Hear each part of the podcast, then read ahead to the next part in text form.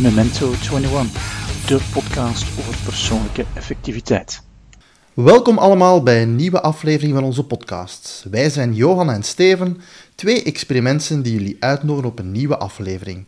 Met deze podcast willen we jullie helpen om met jullie beperkte middelen een grotere impact te hebben. Ten slotte kun jij de baas worden van je tijd en zelfs van extra tijd. Dag Johan. Hey, dag Steven. Hoe is het ermee? Goed, Jan. Uh, een beetje zenuwachtig voor het experiment dat we gaan doen. Ah, experiment. Wat gaan we vandaag doen? Uh, we gaan onze eerste keer opnemen terwijl dat we niet op dezelfde locatie zijn. En dat is wel Mhm. spannend. Ja, inderdaad. Dus we hebben last weekend een opnameapparatuur en we zijn via Skype voor Business met elkaar aan het praten. Ja, Dus, uh... we, gaan, we gaan hopen dat die sporen ergens wel matchen. inderdaad. En wat is het thema van vandaag? Wel, vandaag gaan we het hebben over negen boeken die zowel voor u als voor mij uh, belangrijk zijn in hoe dat we momenteel denken over persoonlijke efficiëntie, persoonlijke productiviteit. En dat is misschien wel grappig hoe dat we tot dat lijstje tot stand gekomen zijn. Want we hebben alle twee een brainstorm gedaan over de boeken die wij belangrijk vonden. Mm -hmm. Dan hebben we er een lijstje van gemaakt, uiteraard. En hebben we er punten aan gegeven. En um, de boeken die de meeste punten hadden. We hadden elk negen punten dat we konden verdelen. Dus we konden een boek 9 geven, 8, 7 uh, tot en met 1. En een boek met de meeste punten zullen we het laatst behandelen. Um, en een boek met de minste punten um, uh, gaan we eerst behandelen. Ja. Uh, er zijn natuurlijk een aantal boeken uh, eraf gevallen. De eerste twee die eraf gevallen zijn, zijn Deep Work en The 4-Hour Workweek. Um, maar die hebben we ook al een paar keren besproken. Maar de boeken die we gaan bespreken zijn Willpower van Baumeister, Your Best Just Got Better van Jason Womack, The Power of When van Michael Bruce, Headstrong van Dave Asprey, The Obstacle is the Way van Ryan Holiday, Mindset van Carol Dweck, The Power of Habits van Charles Duhigg en The Seven Habits of Covey. En de eerste, uh, dat is ook een geweldige titel natuurlijk, The Wanting van Harry Carroll en Jake ja. Papasan. Dat was een okay. titel die dacht dat hij op de eerste plaats ging ja, ja, komen te staan. Absoluut. Ja. En okay.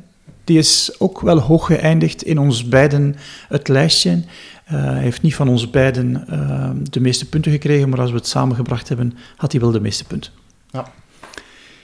Goed, zullen we starten, Steven? Wil jij okay. de eerste aansnijden? Ja, dat is goed. Dus het eerste boek is uh, Willpower, uh, geschreven mm -hmm. door Baumeister. Dat is uh, een sociaal psycholoog. Die heeft heel veel experimenten gedaan over ja, redelijk wat zaken, seksualiteit ook, maar ook over zelfcontrole. En dat is natuurlijk een thema dat ons heel hard interesseert. Dus zijn ja. boek gaat ook over wilskracht natuurlijk. Mm -hmm. um, wilskracht of discipline zijn een beetje synoniemen. Ja. En um, ja, een van de zaken die, die hem in een boek beschrijft, want het is ook allemaal uh, wetenschappelijk onderbouwd, dat is dat, ja, dat je wilskracht kunt trainen. Dat vond ik al mm -hmm. een, een, vrij interessante. Uh, hij maakt er ook de, de link naar het trainen van een spier. Als je wilt sterker worden en je gaat naar de fitness en je gaat daar uh, krachttraining of zoiets doen, dan, dan traint je spieren. Ja. Um, en uh, oké, okay, dan is het na je training wel heel moe en dan, dan kun je even bijna je, uh, je autodeur niet meer open krijgen. Maar goed, als je dan rust, dan word je eigenlijk sterker en gaat eigenlijk meer en meer kunnen doen. En eigenlijk ja. zegt hij dat met, met wilskracht het eigenlijk gelijkaardig is, dat dat een kwestie is van, van de regelmatig te trainen. Um, en dat je dan daar steeds beter en beter in gaat worden. Ja. Dus dat vond ik wel ook een goeie om mm -hmm. ja, te weten dat je daar kunt, als je rond zelfontwikkeling, rond verbeteren wilt doen, dat je Ja. wilskracht ook kunt trainen. Ja. Ehm, een ander punt dat hem ook zegt van uh, wat belangrijk is bij, bij wilskracht, dat is uh, het belang van glucose. Mhm. Uh, dat glucose in je bloed hebben. Ehm, heb je ook nodig. Als je dat te weinig hebt, dan, dan is het ook moeilijker, of dan wordt u, ja, is het ook moeilijker om wilskracht uit te oefenen, om, om te weerstaan aan andere zaken die Ja. je niet wilt doen, of om de doelen te bereiken die je, die je wel wilt doen. Ja. Dus ehm, dat zijn ook dat heel belangrijk is, zelfs belangrijker dan ontspanning. Hij heeft zo een paar daken gedaan van hoe kun je nu je wilskracht eh, doorheen de dag bewaren en zoiets. En eh, zien dat je glucose ja, onder controle is, en niet te veel spiked, eh, is ook een belangrijke. Ja, en, en, en ik, ik ben daar niet helemaal meer mee akkoord. Zo, toen dat ik dat boek gelezen had, dacht ik van ja, er, er zit iets in. Ehm, maar toen eh, wist ik nog niet echt goed dat ons brein op twee manieren kan energie maken. Eén door uh, glucose om te zetten in energie, maar anders ook door ketonen om te zetten in energie. Dus ik, ik weet niet goed of dat die testen op een manier gedaan zijn dat dat ketone-effect ook meeneemt. Maar wat ik wel weet, is als mijn uh, glucose pikt, en ik ben nu uh, de laatste twee weken continu mijn glucose aan het meten met een glucosemeter in mijn arm, um, is dat, dat ik daarna um, merk dat ik niet zoveel uh, ja, energie heb en dat ik uh, precies chagrijnig begin te worden zonder echt een reden te hebben, ah. slechter gezind begin te worden zonder reden te hebben, dat dat toch wel een effect heeft. En je zegt, ik ben mijn glucose aan het meten. En hoe doet je dat? Ja, ik heb een glucosemeter die diabetici gebruiken ingeplant uh, in mijn arm, dus in van Freestyle. Uh, en ingeplant moet je niet veel bij voorstellen. Sylvian heeft dat in mijn arm geschoten. in mijn arm geschoten, dat klinkt nogal... Ja, het is met een soort, zo'n soort pistool dat je op je arm zet en je, je drukt dat erin. Ja. Uh, en dat blijft dan twee weken op je arm zitten en je kunt dat uitlezen met een toestelletje. Ja. En een van de zaken, gisteren bijvoorbeeld, waren we uh, bij iemand op bezoek en uh, we waren nogal aan het aandrinken om alcohol te drinken. Uh, dat hebben we niet gedaan. Maar ja, ik wou water, maar water waren ze toch niet geneigd van ons te geven. Ik heb een, uh, een tonic gedronken, een pure -hmm. tonic. En het is wel grappig om te zien hoe dat mijn glucoseniveau daarvan piekt. En die piek is, is geen probleem, maar het dal is een probleem. Ah, ah, ah. En twee zaken waar dat nog heel hard mijn glucoseniveau van piekt, is rijsteten. Amai. Witte rijst dan? Witte rijst, ja. En wortels. Hmm. Dat is dus wel grappig om te merken. Ja. Oh, en magnums ook. Maar dat, dat, dat, dat, dat erdoor. Dan heb, ik, dan heb je het waarschijnlijk over de lekkere ijsjes. De lekkere ijsjes, ja. Ja. Een van de zaken die mij triggerden in een boek van uh, Baumeister was... De eerste keer dat ik dat begrip tegenkwam, dat was uh, beslissingsmoeheid. Mm Ego depletion. Ja. En dat heeft voor mij toch wel geleid van mijn aanpak um, een stuk aan te passen. Van oké, hoe kan ik nu, als ik naar ons lijstjes kijk, um, zorgen dat ik minder beslissingen opnieuw moet nemen. Want als ik die beslissingen niet moet nemen, spaar ik energie. Dus alles wat ik niet moet nemen, dat ik kan ofwel vastzetten, ofwel kan zorgen dat er geen mogelijkheid meer is om te beslissen, gaat mijn energie sparen. Ja. En hoe meer energie dat ik spaar, um, ja, hoe meer dat ik over heb voor andere zaken. Om ja. beter gezind te zijn, om niet chagrijnig te zijn. Ja, ja nee, bij mij is dat ook uh, inderdaad uh, iets waar ik uh, meer aandacht voor gekregen heb. We hebben het al gezegd, het is de bedoeling dat je je wilskracht, uh, de beperkte wilskracht, juist inzet. Uh, in het boek ging dat ook over uh, dat je ook moest zorgen dat je, je doelen juist zijn. in de zin dat ze, dat ze moeten compatibel zijn. Hè? Ik bedoel, als je zegt van ik wil meer familietijd, maar ik wil ook langere werkdagen kloppen, dat is niet compatibel. Dat is natuurlijk ja. vrij nefast voor je wilskracht. En al misschien een brugje naar een van de volgende boeken. Uh, wat dat goed kunt doen natuurlijk, is dat je zegt van ik probeer uh, van een aantal zaken gewoontes te maken. Op het moment dat iets een gewoonte wordt, gaat het minder wilskracht vragen. Mm -hmm. ja. um, misschien nog uh, iets wat ik grappig vond in... Nee, grappig. In een boek, dat is dat... Mensen die religieus waren, konden vaak meer zelfcontrole of hadden precies meer wilskracht. Mm -hmm. ja. zo, het feit dat dat er precies dat je in, in, in, in een god gelooft, of dat, je, dat, een soort ex, ja, dat precies een externe controle is, dat u helpt mhm. om zaken te doen of, of om, om, aan de verleiding te kunnen weerstaan. En dat is niet alleen religieus, maar ook als je in bepaalde communities zit, kan dat ook helpen om uh, ja. meer te gaan doen. Ja, ze hebben er een mooie naam voor, dat noemt de Hawthorne-effect. En wat schijnt zo zijn, is als je op je kantoor een spiegel hangt, waar dat je jezelf ziet, dat dat ook zou werken. Oké. Het feit dat, die collega's misschien denken dat je narcistische neigingen aan het krijgen bent. Ja, dat zou ook uh, iets kunnen geven natuurlijk. Ja. Goed, oké. Misschien over naar de volgende boek. Ja, wel, waarom dat ik in willpower geïnteresseerd was, is om beter te worden. En dat is dan een mooi brugje naar uh, Your Best Just Got Better. Alright. En dat is uh, een boek van Jason Womack. En uh, Jason was ooit een van de eerste trainers van David Allen. En David heeft een boek geschreven, Getting Things Done. En tot mijn verbazing is die een boek gewoon uit een top 9 gevallen. en, en, en Jason is op een bepaald moment voor zichzelf begonnen. Um, hij heeft een paar boeken al geschreven. Heeft ook een boek geschreven samen met Jodie, zijn vrouw. Ik moet ook wel zeggen, um, Jason en ik zijn wel bevriend. Um, wij skypen elkaar regelmatig. Uh, hij is uh, eerder uh, ja, een vriend geworden, een vriend over de oceaan dan een collega. Mm -hmm. Mooi. ja, wat zijn voor mij zo zaken die ik uit die een boek geleerd heb, is... ja, het is een marathon, het leven, geen sprint. Dus um, het is um, een, een, een, manier om te kijken van hoe kan ik nu structureel en op lange termijn zorgen dat mijn productiviteit hoog is. Hoe kan ik nu op een manier um, ervoor zorgen dat ik niet alleen energie gebruik en verbruik, maar ook energie ga opladen. En hij noemt dat pacing. Jason is een triatleet. En um, daar heeft hij het concept van pacing. Hoe kan ik nu zorgen ja, dat ik kan blijven doorgaan zonder op te branden? Mm -hmm. um, een van de zaken um, die je ook in onze methodiek ziet terugkomen, hij sprak van het concept van 1% en dat sprak mij wel aan. Uh, en 1% van onze dag is 15 minuten. Mm -hmm. Wat kan je doen in 15 minuten? Ja, sindsdien heb ik ook uh, 15 minuten, dat leek vroeger niks. Maar als je inderdaad beseft dat dat 1% is, en als je dan begint te kijken hoeveel 15 minuten je hebt in een werkdag, dan uh, ja, was voor mij toch een eye-opener om uh, meer ja. bewust met tijd bezig te zijn en, en minder ja. tijd te verspillen. Ai. Ja, op, op een of andere manier merk ik dat tijd zo voor mij een moeilijk concept is om te pakken, omdat dat in ja, 24 delen zit, maar iets van 100%, ja, dat past precies veel beter bij mijn brein. Mm -hmm. um, ja, dat past precies veel beter bij mijn brein.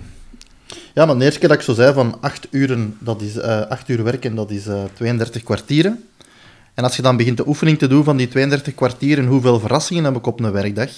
Hoeveel moet ik doen om mijn lijsten up-to-date te houden? Dat was zo'n eerste keer dat ik dacht van, fuck, het schiet wel niet ja. over uh, mm -hmm. de zaken die je wilt doen. Dus dan is het echt wel van, dan wil ik me daar wel op focussen en dan wil ik dat zo goed mogelijk proberen te doen. Dus ja, dat concept ja. van 1% en een kwartier, ja. dat heeft wel iets gedaan. Ja, en een van die onderdeeltjes van zijn boek is, als hij nu zegt van, als ik nu op één zaak zou beter kunnen worden, wat zou dat zijn? En dat is gewoon een andere vertaling naar wat dat wij noemen, uh, wat, wat is uw bottleneck nu? Ja. Uh, want, uh, um, en dat heeft toch wel een stuk bepaald van, oké, okay, ik wil uh, verbeteren. Dus ja, wat is het volgende ene ding dat ik wil beter in worden? Want dat gaat nooit hetzelfde blijven. Als je mm. wilt vooruit gaan op een bepaald moment, is dat voldoende ontwikkeld en kun je naar het volgende overgaan waar dat je kunt um, beter in worden. Ja. Jason echt, echt ook heel veel belang aan feedback. Um, en een van de dingen die hij dagelijks doet, is een bedankingskaart sturen naar iemand. Mm -hmm. Als hij ergens moet wachten, dat is een van de eerste dingen die hij doet, is een kaartje maken. Hij heeft zo speciale kaartjes gemaakt. Daar schrijft een bedanking voor iemand op en hij stuurt dat niet via een e-mail, maar fysieke post op. En dat is dus wel grappig om zo eentje in je bus te krijgen. Ja. Ja, ja en ook leuk. Uh, hè? Bedoel, het geeft jezelf een goed gevoel als je dat doet. Mm -hmm. En het is natuurlijk leuk voor de ontvanger. Ja. En... en iets waar ik de laatste tijd ook toch wel wat mee, opnieuw mee bezig ben, is uh, de mindset of the beginner. Uh, ik vind het leuk om, om, om, nieuwe dingen te leren, omdat je heel snel uh, door de leercurve kunt gaan en heel snel resultaat kunt zien in, in, in het begin dat je iets leert. Je bent zelf... je wilt zelf op 20 uur leren bas spelen, je gaat heel snel vooruit gaan in die 20 uur. Het zou mm -hmm. kunnen dat je nog langer wilt spelen. maar je gaat ook wel de basis moeten leren. Ja. En dat is, dat is een beginner. Als beginner moet je de basis leren. Dat is leren en herleren van de basis. Um, ik moet nog wel iets vinden om dat plezant te vinden. Ehm, want niet alle basis vind ik plezant. Ja. Meestal vind je dat zelfs niet plezant. Ja. Ja. Nee, klopt. Misschien ook En zaken die... Ja, zeg maar. Zeg, nee, nee, zeg maar. Nee, ik was wel aan het denken, een paar dingen uit een boek die, eh, waar ik nu moet aan denken. eh, dat is ook het statement dat hij in het begin zegt van denk eens na wanneer je op je best bent. Ehm, Ja. Van ik ben op mijn best als ik genoeg heb geslapen, gezond heb ontbeten, s s'morgens iets gesport. Dat is ook heel belangrijk dat je dat voor jezelf in kaart brengt Mhm. ehm, en moet doen. En dan omdat we hebben het heel vaak, en we horen het ook heel vaak van luisteraars of, of van als we workshops geven van eh, ja, afleidingen. Hè. Afleiding is Mhm. geconcentreerd blijven. Ehm, hij heeft ook zo een paar tips voor eh, de onderbrekingen te verminderen. Ehm, en ja, een vergadering met jezelf plannen is daar één van. Eh 15 minuten focussen, ook in een landschapsbureau waar je tegen je collega's zegt. Maar een van de nog interessante dat ik ook vond was, eh, denk eens na welke mensen nu het meest storen en ga die gewoon zelf eerst storen. Dus als je weet van, die komt toch straks aan in een bureau, ga daar gewoon zelf naartoe. Zeg tegen hem van, zeg, eh, heb je een vraag voor mij vandaag of zoiets? Eh, dat je bijna zegt van... eh, en dat je dan tegen die mensen zegt van, oké, nu ga ik een uur geconcentreerd aan iets werken. Dat ze dan bij, ja, bij deze ook weten dat ze je een beetje gerust moeten laten. Dus, hey, hoe vermijd je storingen? ja. Stoor zelf de collega's die het waarschijnlijk het meest gaan storen, op voorhand. Vond ik Ja. wel een leuke tip. Ja, ja, dan gaat de, je gaat de afleiding pullen in plaats dat ze gepusht wordt naar u. Ja, dat is wel mooi gezien. Ja, en voor de rest misschien het laatste waar ik nog aan denk van eh, feedback is belangrijk. Jason is ook inderdaad een fan van tracking. Mhm. Ehm, en dat zegt hem ook van elke maand ga ik wel iets opvolgen. Bijvoorbeeld hoeveel vergaderingen dat ik heb, hoeveel boeken dat ik heb gelezen. Dus ook wel Mhm. een mooie dat je zegt van oké, logzaken. Ehm, maar ook ja, niet alles tegelijk. Dus eh Ja. die kies Pacen, gewoon hè. iets en, en track dat en dan eh, probeer dat te verbeteren. Ja. Oké, okay, op twee boeken best? zeg. Ik, ik Ja. word er al een beetje, ik word er al een beetje moe van. Dus ehm, Maar wanneer zijn op je best, Steven? Dat is een mooie brug naar de, de volgende boek, The Power Ja. of When. wanneer het op je best? Als je inderdaad eh, leeft op, ehm, op de juiste timing. De, een van de, de, de, de baseline van het boek is zo timing is everything. Ehm, dus The Power of When gaat inderdaad over van, je hebt, misschien eerst zeggen wie het geschreven heeft, Dr. Bruce, dat is eh, een klinisch psycholoog. En heel veel bezig met eh, heel de, de wetenschap rond slaap. Ehm, en ja, wat dat belangrijk is, dat is dat hij heeft ten eerste een aantal eh, chronotypes Mhm. bepaald, om te zeggen van niet iedereen moet een aantal zaken doen op dezelfde moment. Dus het is belangrijk dat je de dingen doet op de, het juiste moment. Ehm, dat is een beetje afhankelijk van je, ja, van uw lichaam, van uw fysiologie, hoe dat je in elkaar steekt. Eh, hij heeft dan eh, vier chronotypes gedefinieerd. Mhm. Ehm, ook belangrijk, via een simpele test kun je eigenlijk weten welk chronotype dat je bent. Het is belangrijk dat je dus een aantal zaken doet, of dat je eigenlijk, nee, eigenlijk anders, dat als je zaken optimaal wilt doen, zegt hem op welke uren dat je zaken best doet, of op Mhm. welke uren dat je zaken best niet doet. Ehm, als we het over de vier chronotypes hebben, dan heeft hem daar eh, dierennamen aangegeven. Eh, Ja, ik- Ik vind het wel fijn dat hem er zoogdiernamen aangegeven heeft. Omdat dat wel past bij ons, ons concept van eh, ons zoogdierenbrein. Ah, klopt. Ja. Andere mensen gaan zeggen vroege vogels, een uil. Ik denk van, de zoogdieren past toch veel beter bij ons als mens. Ja. Ja, en vro- vroege vogels en uil doet mij alleen denken van wanneer gaan die slapen of wanneer staan die op. Ehm, terwijl hij dus eigenlijk ja, heel de dag beschrijft ehm, wat dat je dus kunt gaan doen. Dus die zegt van wanneer gaat je best slapen, wanneer staat je best op. Ehm, zaken rond relaties, ehm, wanneer dat je best gesprekken hebt, eh, wanneer dat je best sport. Wanneer, en, en dan ook nog een keer... Ja, hij gaat heel erg in detail. Want als het bijvoorbeeld over sporten gaat, zegt hij wanneer dat je best loopt, dus je cardio doet. Wanneer dat je best een teamsport doet, als het gaat over je sociale Mhm. relaties. Wanneer je best yoga doet of wanneer je best krachttraining doet. Dus echt een boek gaat, gaat heel erg in detail. Ook over gezondheid, over slaap, over eten en drinken, over werken, Mhm. ehm, over creativiteit. Dus ja, ik moet wel zeggen, ehm, een, een schat aan experimenten om eens te zien van oké, als ik weet welk chronotype dat ik ben, ik ga eens proberen om wat hij zegt van eh, de zaken te doen ehm, op momenten. En we hebben het al een podcast geleden gehad over een nieuwe vaardigheid leren. Dat staat er ook in, op welke momenten dat je best een nieuwe vaardigheid leert. Daar staat ook in op welk moment dat je best je e-mail bekijkt. Zelfs wanneer best je professionele e-mail en best je uh, privé-e-mail. Ja. Dus kan ook wel leuke experimenten zijn. Uh, wanneer je best beslist. Dus we hebben al gezegd van, uh, in onze methodiek van het is heel belangrijk dat je beslissingen vermindert, op het juiste moment doet, mm -hmm. dat je e-mails leest. Dus ja, dat zijn echt zaken die nog, nog, nog, nog iets verder gaan om te zeggen van oké, okay, als je weet dat je dat chronotype bent, dan ja. best binnen die uren ga je je e-mail lezen, ga je verplaatsingen maken. Dus ja, ik vind het wel een interessante. Ja. En, en welk chronotype zit jij, Steven? Ik ben een beer. Oké, okay, ja. Misschien moeten ze... Een, een, beer, een, beer in lichte weerstand tegen uh, een leeuw te zijn. Oké, okay. ja. Uh, de, de, de vier zijn... Ik vind het ook wel mooi omschreven. Je kunt er iets bij voorstellen. Hè. Je hebt de leeuwen, de beren, de wolven en de dolfijnen. Ik ben een leeuw. En ik weet niet welke, welk chronotype dan Nele is. Een dolfijn. Oh, ja, want uh, ik ben een leeuw. ja, ik ben een leeuw die samenwoont met een, met, een, met een beer. Dat wil zeggen, we hebben verschillende chronotypes. Hè. Ja, maar ook daar staat in een boek van als je uh, als koppel die combinatie hebt, wanneer -hmm. je best als koppel bepaalde activiteiten doet. Dus ja. uh, dat vind ik ja, ook wel en... een goeie. En, en, het gaat zelfs nog verder. Uh, het gaat ook over... Want een van de zaken rond relaties is, wanneer heb je gesprekken met je kinderen? Mm -hmm. Dus daar zegt hem ook van, oké, okay, uh, hij heeft de kinderen onderverdeeld in vier leeftijdscategorieën, denk ik. Uh, mijn kinderen zitten nu nog tussen 1 en 6, niet lang meer, maar goed. Dus voor hem zijn dat dan leeuwen. Dus hij zegt, oké, okay, als je gesprekken wilt hebben met je kinderen in die leeftijdscategorie, dan moet je dat doen, uh, bijvoorbeeld een, een half uur na de lunch of een half uur na het avondeten. Omdat dan hun uh, bloedsuikerspiegel net iets lager is. Mm -hmm. Dus ze zijn geconcentreerd, maar ze zijn wel nog aanwezig.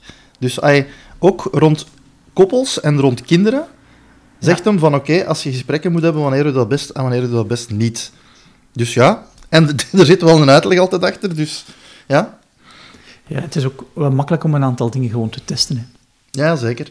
Ja. En ik heb het ding ook op het werk ook gedaan, uh, om gewoon even te zien naar, uh, naar vergaderingen toe. Wat de, dus ik heb de mensen gevraagd van oké, okay, wie zin heeft, vult die een test in.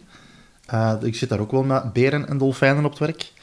Uh, om gewoon eens te kijken, oké, okay, wanneer plan ik ideaal vergaderingen om de mensen ja, hun productieve ja. uren niet af te nemen. Ja, ja, absoluut. Ja. Want ja, een beer bijvoorbeeld, die is best om te brainstormen tussen 8 en 10 s'avonds. Uh -huh. Maar een leeuw is best om te brainstormen tussen 1 en 5. Ja. Uh, en stel dat je dat in een meeting doet, gemengde groep, en kun je denken van, ja, zeg die Peter, het is altijd uh, gedoe als we brainstormen. En misschien gaat dat voor die mensen op dat moment niet. Dat vind ik zo wel denk van, oh, dat zijn een aantal zaken waar ik, ik vroeger helemaal niet mee bezig was. Eén, niet voor mezelf, maar ook niet voor anderen. Ja. Goed. Dan uh, over naar de volgende. Misschien de... Ja, zeg maar. Ja, Headstrong. Headstrong, ja. En um, het is de laatste boek van Dave Asprey. En over Dave Asprey hebben we het al een paar keer gehad. Hij is een ondernemer en een schrijver. Um, hij heeft een bulletproof uh, opgericht. En um, ik moet heel hard zeggen dat voor mij een heel harde inspiratie is rond biohacking en rond energie. Mm -hmm. En Headstrong is hoe kan ik nu zorgen dat ik in mijn hoofd heel veel energie heb om te groeien, om goede dingen te doen, om um, aangenaam te zijn voor de mensen rondom mij. -hmm. En de oplossing zit in vier stappen. Uh, Dave is echt gaan kijken, wat is nu de kern, hoe maken we energie? En hij heeft alles teruggebracht tot de mitochondriën. En hij zegt, als we ons mitochondriën kunnen uh, verbeteren, uh, de efficiëntie kunnen vergroten, ehm, dan kunnen we, ja, hebben we meer energie in ons hoofd en kunnen we een aantal dingen, je kunt meer beslissingen nemen, maar als je dan nog zorgt dat je minder beslissingen moet nemen, heb je meer energie over om aangenaam te zijn, maar je hebt ook energie nodig om je gedrag te veranderen.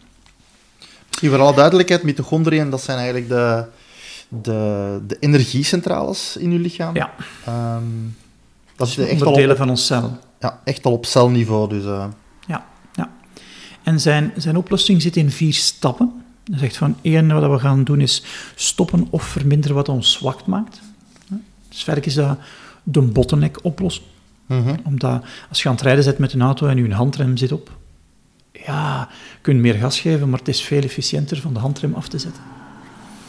Het tweede is dat we gaan veel meer energie toevoegen. En in zijn aanpak is dat zuurstof en glucose en vet.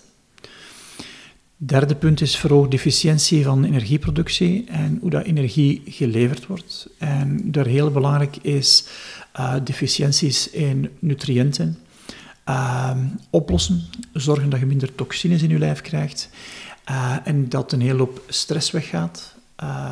stress dikwijls tot, door te weinig kwalitatieve slaap. Mm Um, en het laatste is dan het versterken van de mitochondriën. En dat doe je door die mitochondriën te stressen op het juiste moment. Omdat als je die op het juiste moment stresst, worden die ook sterker, worden die ook efficiënter. En de, uh, de zwakke sterven af. En dat betekent dus dat er meer energie is voor de sterke. En zijn oplossingen zitten in een aantal domeinen. En ook wel heel interessant om te zien van uh, in welke domeinen kun je het nu allemaal zoeken gaat van licht tot EMF's, e, elektromagnetische pulsen, uh, het timing van wanneer je voet inneemt, uh, voedsel inneemt, temperatuur, zwaartekracht, druk, water, welk soort voedsel dat je inneemt, lucht. Ik noem hier al negen variabelen op, waar dat hendeltjes zijn om te kijken hoe kan ik mijn mitochondriën nu efficiënter maken en hoe kan ik er meer maken.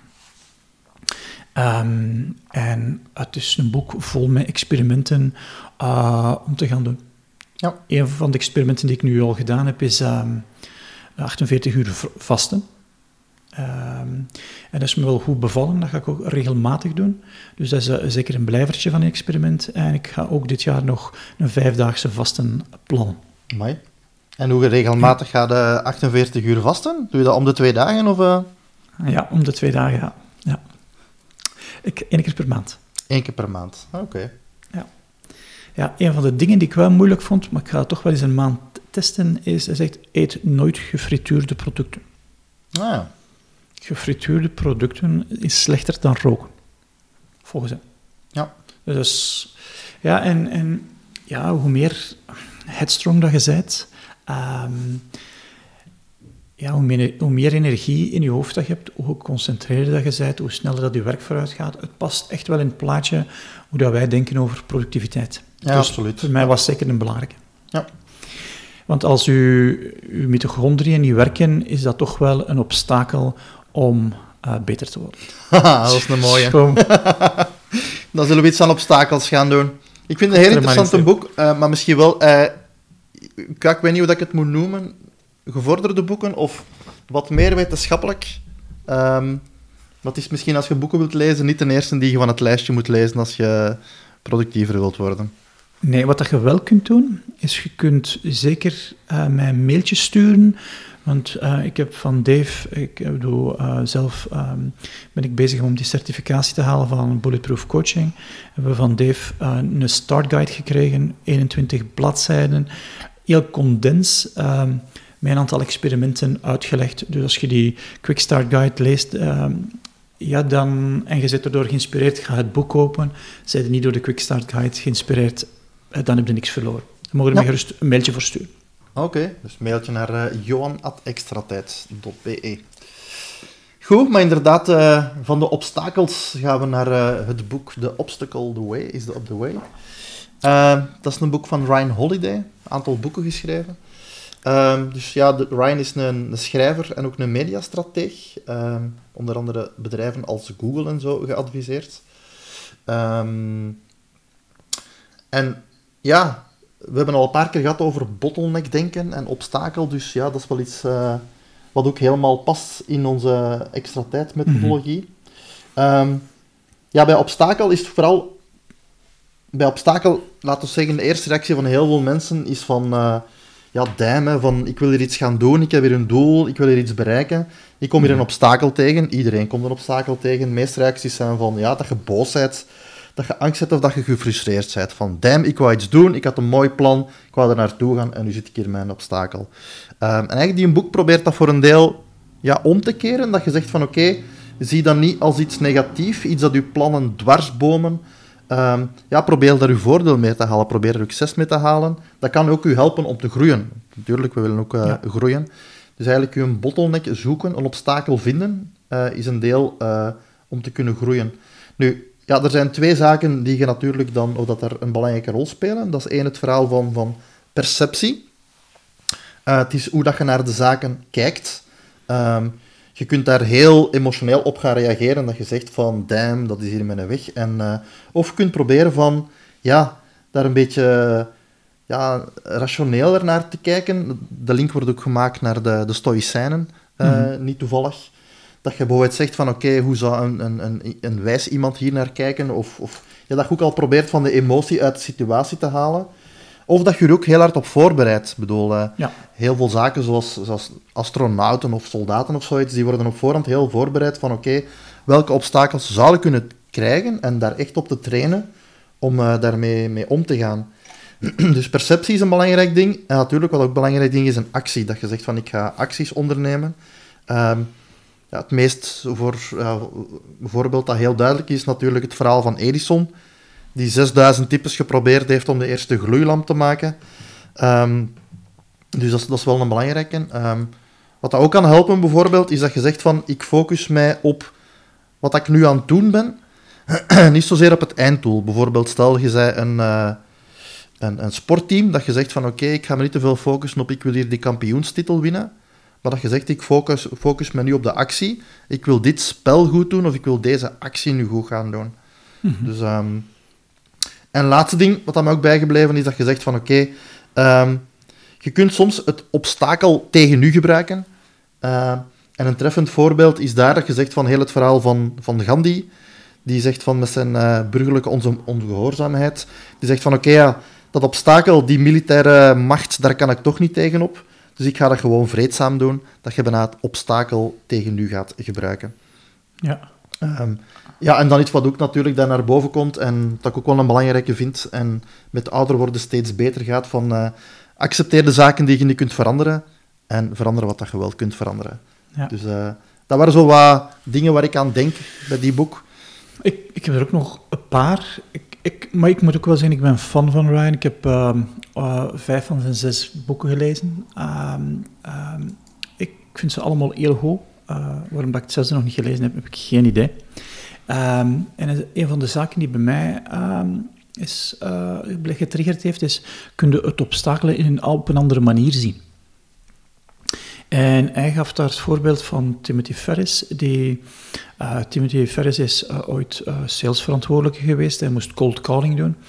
En Ferris heeft zo'n aanpak die zegt van als het niet goed werkt, wat ga ik eens testen? Is ik ga gedurende 48 uur het compleet tegenovergestelde doen.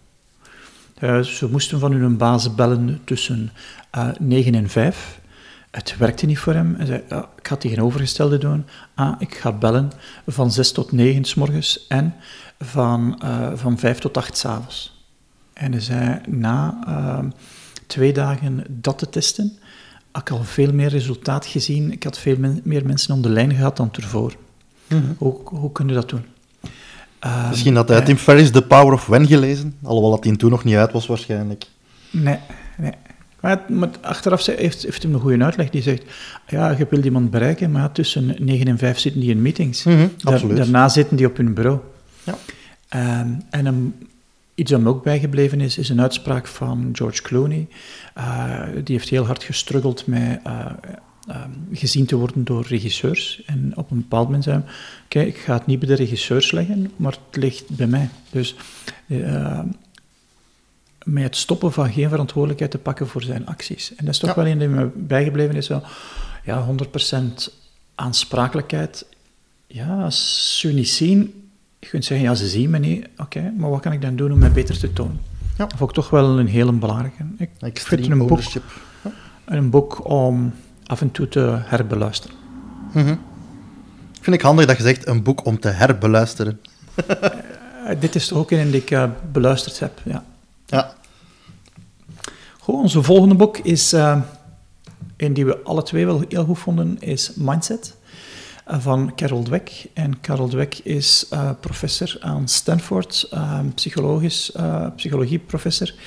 Uh, ik heb de dame al een keer ontmoet op uh, ASTD, 15 jaar geleden, uh, waar ze kwam spreken over mindset. En een van de vragen die iemand het publiek stelde, was me wel bijgebleven, is, hoe, hoe doe je dat nu juist? Want wat, is, wat zegt zij is, je kunt, als je naar mensen kijkt, je hebt twee soorten mindsets en dat zijn de twee extremen. We zitten er overal tussen. Dus er is een spectrum tussen een groeimindset en een fixed mindset. En wat is een groeimindset is, ah, ik kan gelijk wat, wat leren. Ehm, ik wil mijn eigen uitdagen. Als ik, um, als ik um, misluk, ga ik leren. vertel het mij, ik zal hard proberen.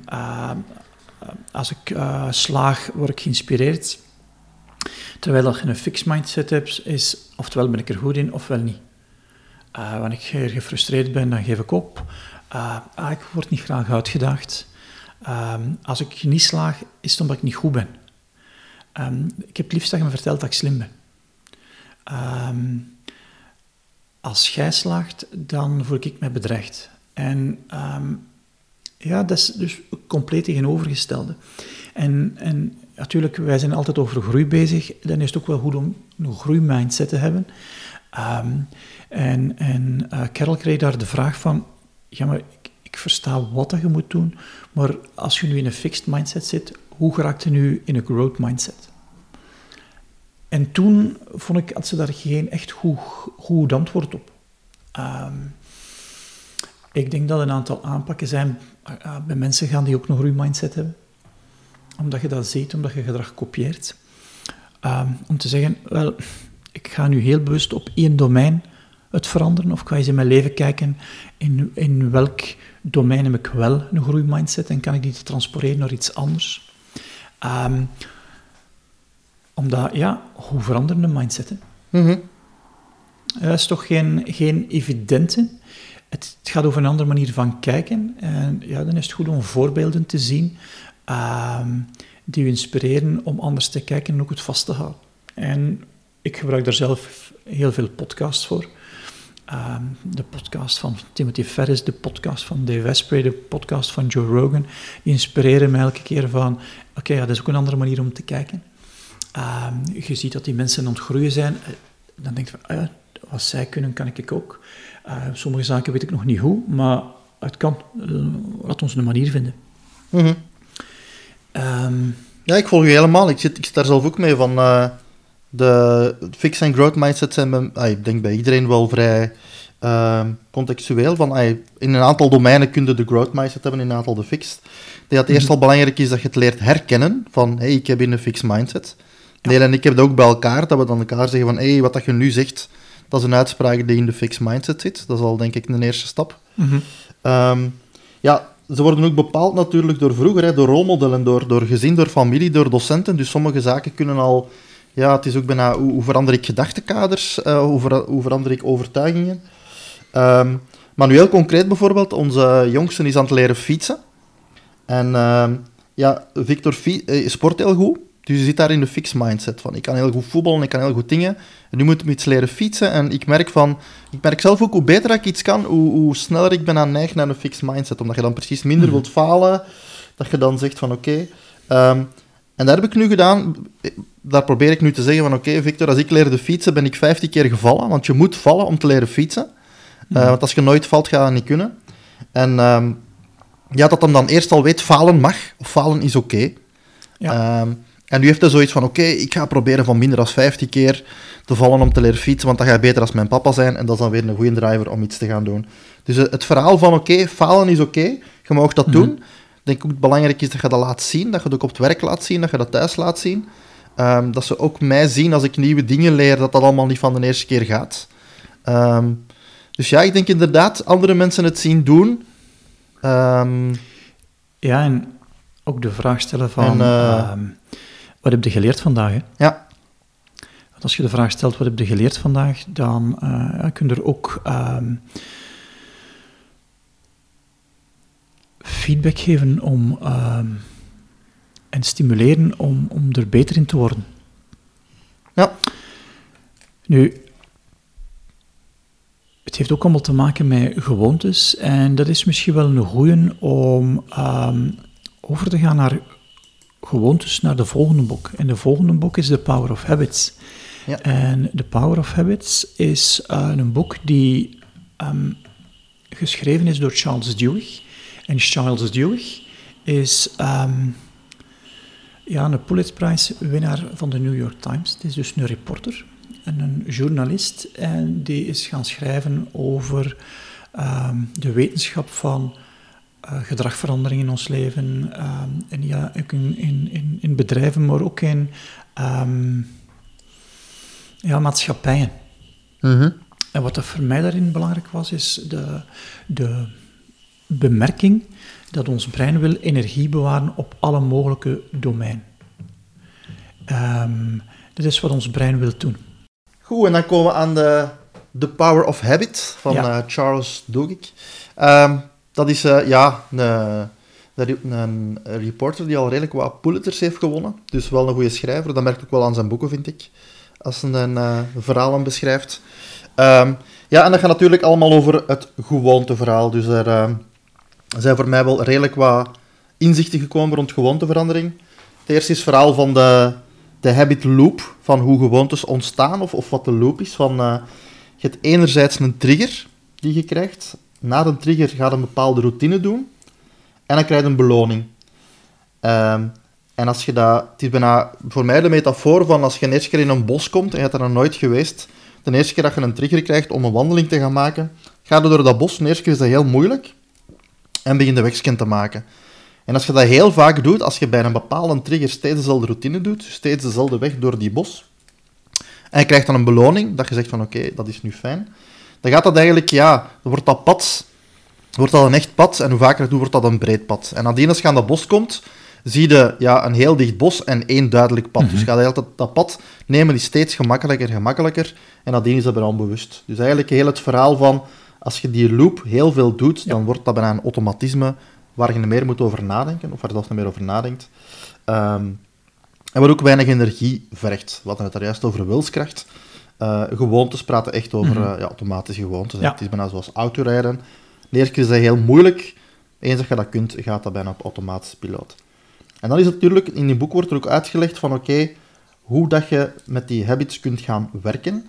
Dus één, ja, de bewustwording vind ik al een hele belangrijke van de habit loop, maar ook de bewustwording van ja. wat zijn mijn triggers. Um, en dat je met die triggers kunt beginnen spelen, of met sommige triggers kunt beginnen spelen. Uh, bijvoorbeeld de trigger van ik ben moe, wat doe ik? Ja, die trigger gaat dat altijd hebben, die kun je niet uitschakelen. Maar sommige triggers kun je wegdoen. In, in Master Your To-Do's hebben we het heel vaak over uh, e-mail-notificaties of pings. Ja, zet die natuurlijk af, uh, want dat gaat u uh, afleiden. Dus dat is een trigger die je kunt weghalen.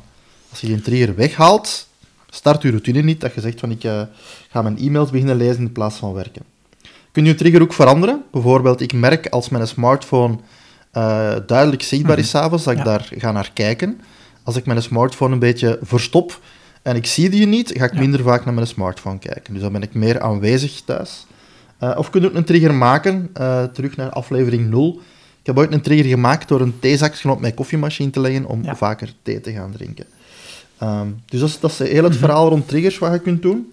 Ook het verhaal als je zegt van ik wil routines aanpassen, want dat was vroeger zoiets van oké, okay, ik wil gewoontes anders gaan doen. Dan is het heel belangrijk dat je ja, enerzijds dat je een trigger en je beloning wil blijven. Uh, dus dat je niet zomaar even de routine gaat aanpassen, dat je er ook bij stilstaat van wat is nu mijn mijn trigger, mijn, uh, mijn beloning en welke andere gewoonte ga ik doen. Um, belangrijk concept voor mij ook in een boek was het verhaal van de, de Keystone Habits. Van uh, een, een, een, een gewoonte die, als je die doet, heel veel ja. andere gewoontes helpt om ook goed te gaan. En uh, in het boek hebben ze het over ja, individuele gewoontes. Dat geldt ook voor mij. Als ik slaap is bij mij een Keystone Habit. Als ik die goed doe, gaat er heel veel andere dingen goed. En omgekeerd dan niet. Maar bijvoorbeeld, uh, een van de voorbeelden dat ze in een boek hadden gedaan, was een Keystone Habit voor een bedrijf, waar ze minder arbeidsongevallen waren. En daar had de, de nieuwe baas gewoon gezegd van, kijk, als er nu een arbeidsongeval is, wil ik het één binnen 24 uur weten. Ik wil een incidentrapport en ik wil uh, tips om het te vermijden. En dat heeft gewoon geleid dat door het feit dat binnen 24 uur een, een heel die cascade moest gebeuren van de werkvloer tot voorstellen, tot bij de VP, tot bij een baas, dat ze de communicatielijn hebben verbeterd. Uh, dat ze meer met elkaar moesten praten, dat ze duidelijker worden, dat er meer initiatieven moesten komen. Ehm, en dat was ook zo'n keystone habit op organisatieniveau, om te mhm. gaan zorgen dat uh, eigenlijk heel de sfeer daar verbeterde. Ze hadden er ook de beloning aan gekoppeld, in de zin van, uh, als je daar de, de ding bekijkt van de trigger is van er is een arbeidsongeval gebeurd. De procedure was, ik wil binnen 24 uur zo'n ding met um, lessons learned. En de reward was ook dat promoties afhankelijk waren van hoe goed mensen dit deden. Dus dat is eigenlijk uh, de, de habit loop toegepast op organisaties en hoe je ook als organisatie daar kunt gaan mee spelen uh, en verder mee gaan zijn. En het boek gaat nog verder. Het is het verhaal van, je hebt uh, individueel, je hebt organisaties mm. en er ook nog gemeenschappen waar ze dan nog uh, een stuk verder gaan. Um, dus ja, dat zijn zo een paar basisconcepten waar ik nu aan denk dat voor mij dingen is. Dus ja, belangrijke zaken zijn van identificeert de, de routines die je hebt of de gewoontes die je hebt. Experimenteer ook eens met beloningen om te zien wat past voor u en hoe moet je dat gaan doen. Um, ook de, ja, de triggers gaan bekijken en zeg ook van, je hebt er een aantal. Vaak zijn ze ofwel locatie gebaseerd, van mhm. ik kom ergens en dan doe ik iets niet. Of tijd gebaseerd. Of emotioneel. Als je zegt van, ik, ik uh, voel mij goed, ik voel me niet goed dat je dingen doet. Uh, of het heeft net te maken met een vorige actie. Dus ja, het is wel een boek om, om heel inzichtelijk te krijgen van uh, wat is dat, wat doet dat met iemand, met organisaties en met de maatschappij. Ja, ik vind dus ja, wel een aanrader. En um, naderhand uh, heb ik mijn aanpak om dingen aan te passen, daar een stukje op gebaseerd. Nu zeggen, als er een trigger is, zijn er twee mogelijkheden. Ofwel is het een externe trigger, ofwel is het een mhm. interne trigger. Externe triggers komen bij mij heel veel van uh, technologie. De ping op je telefoon. Mhm.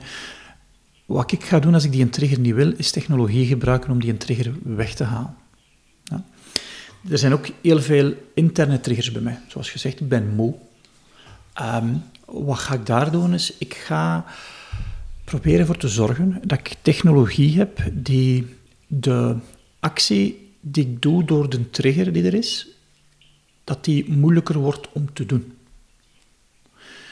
Zodanig mhm. dat ik mij bewuster word van, Johan, je zit iets aan het doen die je verder niet wilt. Omdat anders is het onbewust. Ja. Je kunt onbewust 20 minuten op Facebook zitten zonder dat je het door hebt. Hè. en daar ga ik proberen mhm, technologie in te zetten die mij helpt om dat niet te stellen. Om bewust te zijn van, oh, wat ben ik hier nu weer aan het doen? Ik denk van fight fire with fire, technologie uh, gebruiken voor het goede, maar als het een, een, negatief effect heeft, probeer dat negatief effect te beperken door ook technologie te gebruiken. En dat past natuurlijk in onze geeky manier, manier, van doen. We zijn alle twee ingenieurs. Absoluut. Ja, ja. Dus ja, gewoontes hebben wel een ongelooflijk effect op ons leven. Uh, het zou fijn zijn moesten ze u nu zo'n lijstje hebben van belangrijke gewoontes. Ze moesten nu zo, ik weet niet, een zevental of zoiets. Dat is een mooie brug, Steven, naar het volgende boek, The Seven Habits of Successful People. Het is een boek die veel mensen al gelezen hebben. Ehm, en het is een boek van Stephen Covey. Um, Stephen die in 2012 overleden is. Een heel lullig fietsongeluk. Um, schrijver, businessman en vooral ook spreker. Ehm, misschien minder gekend dat hij toch ook wel een succesvol ondernemer was. Maar die heeft gaan kijken van, oké, wat zijn nu um, habits die ik zie van mensen die succes hebben. Het is zo de start van een boek van Seven Dit, Seven Dat. Ehm, en hij heeft er zeven. en hij zegt, ja, als je skills hebt, hoe vertaalde nu skills in het Nederlands? Uh, skills, vaardigheden hebt die, bepaal, ja, die bepalen een stukje Vaardigheden, ja. Ehm, maar hij zegt, er is ook een andere manier, is als je je karakter wilt aanpassen, is wat je fundamenteel gelooft, je wereldbril gaan aanpassen. En hij werkt van binnen naar buiten, terwijl ik merk dat ik de, de beiden wat probeer te doen. Zowel van buiten naar binnen als van binnen naar buiten. Omdat ik niet geloof in één aanpak is ook de vraag van, werkt je nu top-down of bottom-up? Je doet de twee tegelijkertijd. Ik denk dat dat het meest mhm. efficiënt is. Ehm, hij heeft zo zeven en ik vind ze altijd een goede beschrijving van wat dat je zou moeten doen, maar hoe dat je dat moet doen, vind ik minder is in een boek terug. En we kunnen ze alles even wel eens noemen. Het gaat over van um, sharpen the saw, is van ja, je moet beter worden in iets. En hij zegt er zijn vier domeinen, is fysiek, mentaal, spiritueel en emotioneel. Ja. Uh, want anders kun je niet beter worden. Wij vertalen dat, ja, je productief zijn en werken aan je productiviteit. Werken aan je productiviteit is voor mij sharpen ja. the show. Um, proactief zijn. Um, dus wat is dat? Ja, dat is uit die reactieve mode geraken.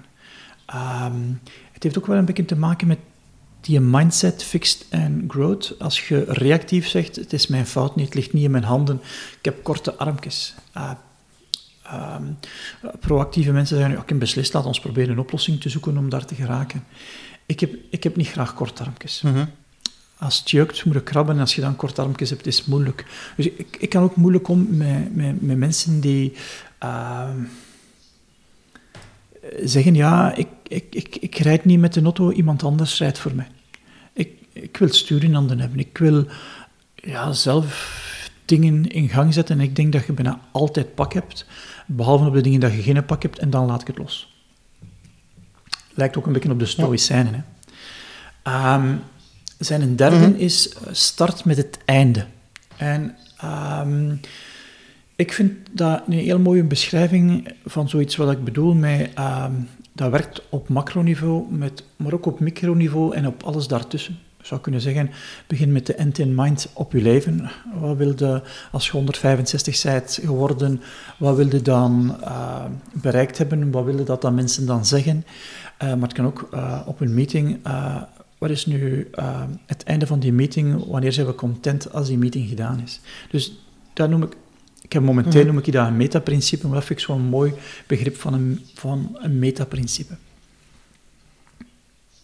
Ja, want komt ik inderdaad een paar keer terug in de methodiek, dat je zegt van mm -hmm. zonder doel waar je naartoe ja. wilt, zijn inderdaad stuurloos. Dus dat is belangrijk. Ook bij de masterlijst zeggen we altijd van, als je project op je masterlijst zet, bepaalde ja. finish, wanneer is het klaar? Dus inderdaad, dat is iets wat je op elk dus, niveau dus, kunt gebruiken. Het is gewoon een referentiepunt. Hè? Ja. Want als je feedback wilt, heb je dat nodig. Dus, dus op een of andere manier ja, uh, iets dat je op alles kunt toepassen. Hè. Wat is, uw, wat is uw referentiepunt om mm -hmm. papa te zijn? Uh, wanneer zijn je content over hoe dat je je rol van papa doet? Ja, dus ook beginnen met de end in ja. mind. En dat kan in verschillende fasen van je leven verschillend zijn. First things first. Dat is ook een titel van een ander boek van hem. Ja, prioritiseren. Hè. En je merkt daar, dat zit niet van nature in ons gedrag. We hebben zo'n oefening in onze cursus Master Your To-Do List, waar dat je merkt, ja, het zit niet in ons natuurlijk gedrag, want anders zouden we het bij die oefening gedaan hebben. En dat heeft dan te maken, mm. prioritiseren, is uh, met nee zeggen. Dan, uh, want als ik nee kan zeggen, kan ik ook ja zeggen. Als je niet kunt nee zeggen, kun je ook niet ja zeggen.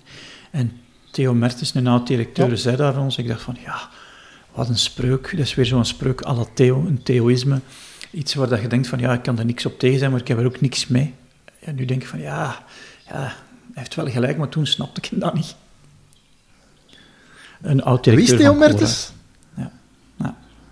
Ah, oké. Okay. Ik moet denken nee, aan de trompetist, maar ja, dat inderdaad, ja. dat zal hem niet zijn. Wij zijn zoon is wel saxofonist, maar het uh, uh, is geen trompetist. ja.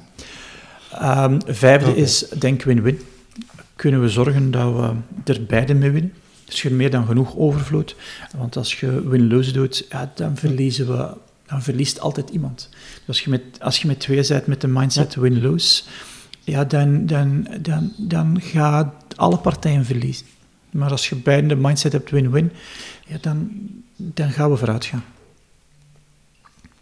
Ja, klopt. De eerste vier mm. habits zijn zo wat individueel. De laatste drie is inderdaad, dan begint er ja, meer in interactie met anderen. Um, en die ik nogal een moeilijke vind is, wil eerst verstaan voordat je wilt verstaan worden. En waarom vind ik dat een moeilijke is, als, als je mij iets gaat vragen, uh, ja, en ik, heb, denk, en ik denk dat ik expertise heb, ga ik u proberen uit te leggen hoe dat ik erover denk. Terwijl ik eerst zou moeten proberen te begrijpen van, oké, maar wat zegt hij hier nu juist? Uh, en ik vind, het is veel gemakkelijker iemand te beïnvloeden als je het probleem hebt verstaan. Mm -hmm, absoluut. Um, maar dan merk ik dat ik er wel beter in word, om, dat ik minder en minder de nood heb om te tonen dat, dat, ik, dat ik denk wel expertise heb. Ik heb ook expertise, maar ik heb minder en minder de nood mm -hmm. om dat ja, te tonen. Dat heeft waarschijnlijk wel met ego te maken. Uh, er is een ander boek die niet in het lijstje staat, Ego is the Enemy, van, uh, van Ryan Holiday. uh, maar dat heeft er... Ja. Ego is die uh, synergie zoeken is de laatste. Um, en dat is het geloof dat 1 plus 1 meer is dan 2. Uh, en toen me altijd denken aan de mhm. Afrikaans gezegde, alleen gaat het sneller, samen komt het verder. Ja. Dus uh, ja. met een team geraakt er verder dan alleen. Oké. Okay. En dan zeven vinden eigenlijk wel te veel, dus uh, misschien moeten we afsluiten met uh, ja. een ene simpele. En dan mhm. komen we bij de The One Thing, geschreven door Gary Keller. Um, ja, en dat komt eigenlijk terug, of ja, dat is de boodschap van ja, beslissen en nee zeggen tot het extreme bijna. Dus ga inderdaad naar, naar, naar één ding. Um, we hebben de rest ook gezegd bij Stephen Covey, en het is in het algemeen, je hebt zo'n aantal domeinen in je leven. Ehm, dus je zou kunnen zeggen, oké, per domein kies ik mijn belangrijkste doelstelling. Ehm, en dan gaat het terug weer naar één, om, om eigenlijk te focussen en echt voor jezelf tot in extreme gaan bekijken, wat is nu het belangrijkste? Uh, en we merken natuurlijk ook van, hoe minder dingen dat je doet, hoe meer dat je kunt focussen op één ding, hoe meer dat je in de flow blijft. En hoe meer dat er ook dingen vooruit gaan. Uh, we zeggen altijd, als op de masterlijst 50 projecten gaan staan, gaan die alle 50 een beetje vooruit gaan. Als je daar maar twee op zet, of één op zet, gaan die wel veel sneller vooruit gaan. Dus dat is, dat is wel een belangrijke om eigenlijk ook te gaan kijken van, in mijn leven, wat zijn nu de meest belangrijke doelstellingen? Voor de week, wat zijn de projecten die ik deze week wil gaan doen? Ik doe dat verhaal ook van per dag, dat ik mij per dag vraag, wat is de, de mhm. ene frog die ik wil opeten? Um, en wat is mijn meest belangrijke taak voor vandaag? Dus dat zit ook een beetje op dat verhaal. Um, in het boek hebben ze het onder andere over de, de zes leugens mhm. of zes overtuigingen uh, die er kunnen zijn. Een van de zaken is, uh, ja. alles is even belangrijk. Dus dat is natuurlijk, uh, hier zeggen ze van, nee, we hebben het al gezegd, prioriteiten is belangrijk. We hebben het ook al gehad in vorige podcast over het Pareto-principe van 80-20. Eigenlijk gaat hier mhm. Pareto tot het uiterste doen en je gaat kijken naar het ene verhaal. Um, een ander verhaal is over multitasken dat hem zegt van oké, we hebben al een paar keer gezegd dat is heel inefficiënt. Uw brein gaat constant afgeleid worden. Dus ook hier weer naar één ding gaan is uh, multitasken heel uh, gaan vermijden. Uh, Gedisciplineerd leven, dan komen we na terug op ons eerste boek van Willpower. Dat je zegt van het gaat niet over meer discipline, het gaat over de zaken juist inzetten.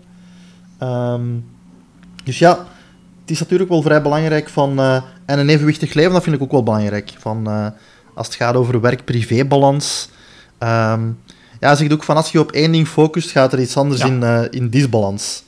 Dus als je, dat zal Nelen niet graag horen, maar inderdaad, als je focust op één belangrijk ding, dan gaan er natuurlijk sowieso andere zaken uh, minder goed gaan. Of in het extreme ja. gaat het chaos krijgen. Dat je huis er compleet onopgeruimd bij ligt, om, maar ik, iets te ik zeggen. Ik vertelde ook tijdens onze workshops van... Kijk, als ik uh, een hele dag niet naar mijn inbox ga, en ik ga dan kijken om mijn prioriteiten aan te passen, dan is het chaos in mijn inbox. Want daar staan er dan 50 in. Ah ja, tuurlijk. En, en de eerste keer heb ik dat zo horen vertellen door uh, Tim Ferriss. Die zei, als je wilt vooruitgaan, moet je gerust worden dat een aantal zo zaken in je leven chaos worden. Maar gerust worden dat het oké is dat ze chaos worden, dat je wel iets hebt om dat terug op het spoor te krijgen, omdat je aan het focussen bent op iets anders. Dat vond ik wel een heel mooie beschrijving van, ja. ik vind het nu niet erg niet meer uh-huh. dat, dat mijn inbox chaos is. Ik heb een tijd heel um, obsessief mijn inbox leeghouden. Uh, soms zelfs om het kwartier hem gaan leegmaken. En ik van, ja, nee, dat ga ik niet meer doen. Hij is dan wel leeg, maar ik wil met mijn werk bezig zijn, niet met binnenkomende mails. En... Uh, ja, Dus dat is een mooie, dat zijn zo wat saboteurs, maar mhm. inderdaad, experimenteer er eens mee met die rommel even te accepteren, te zien wat dat doet, en vooral te zien wat je daar daarnaast kunt, ja. uh, kunt allemaal doen. Um, andere saboteurs is inderdaad nee zeggen. Komt een paar keer terug natuurlijk. Als je mm. één ding wilt doen, ga je heel veel nee moeten zeggen. Wat ik ook een mooie vind in het boek, dat is dat hij zegt van... Uh, de gevaar als je dit te veel begint te doen, is dat je bijvoorbeeld je gezondheid gaat negeren. Uh, dat hij ook zegt van oké, okay, je kunt dit pas doen als je genoeg aandacht geeft aan het, om voor ons te vertalen aan je team. Uh, mm -hmm. Zorg dat je je fysieke energie verzorgt, zorg dat ja. je mentale energie verzorgt. Dus dat is wel een mooie natuurlijk, anders gaat dat ook niet lukken. Uh, het verhaal van zorg dat je omgeving weet wat dat gaan doen bent, dat je mhm. daar afgestemd ja. mee hebt, zit ook helemaal in het verhaal van uh, vertel wat dat gaan doen bent. Um, en altijd een mooie oefening dat ik vind als ik zeg van, uh, want hij heeft ook zoiets van, je moet ook gerust groot denken. Je moet niet denken, groot denken is eng. Ehm, van denk eens na waar je naar, naartoe wilt in de toekomst of binnen vijf jaar. En dan voor jezelf is de oefening helemaal extreem doen van wat wil ik binnen vijf jaar voor iets? Wat wil ik binnen een jaar? Wat wil ik binnen een maand? Wat ga ik deze week doen? Wat ga ik vandaag doen? En wat ga ik nu doen? Gewoon altijd één ding van oké, om te zeggen van ik wil ergens heel groot naartoe. Um, welke kleine actie ga ik nu vandaag doen om daar te geraken? En een mooie metafoor is in het boek ook van de domino's. Um, dat zo ja, de foto van een kleine domino die een iets grotere domino uh, laat vallen en nog iets een grotere domino. Dat, ja, kleine acties, en als je dat maar regelmatig doet, dat je dan uiteindelijk zo een hele grote domino kunt omstoten. Lees als uh, dat je een groot doel kunt bereiken. Dat is een mooie verzameling van negen boeken, hè? Ja, mm, absoluut. Misschien moeten we die, die oefening uh, om uh, de 18 maanden een keer doen. Of dat die boeken gewijzigd zijn en dan misschien aanpassen in een nieuwe podcast.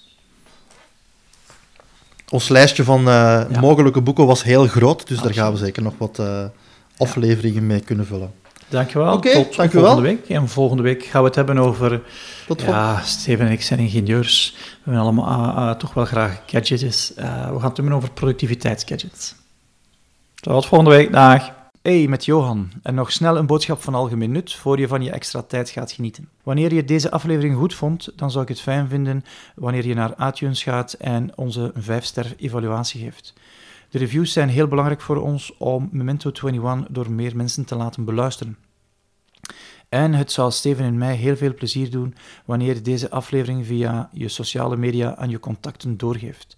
En dat kan door naar onze website te gaan, extratijd.be, het desbetreffende blogpost van de podcast te kiezen en dan via de knoppen via je sociale media te verspreiden. Dankjewel voor deze twee acties en we spreken elkaar volgende week voor een nieuwe aflevering. Dag!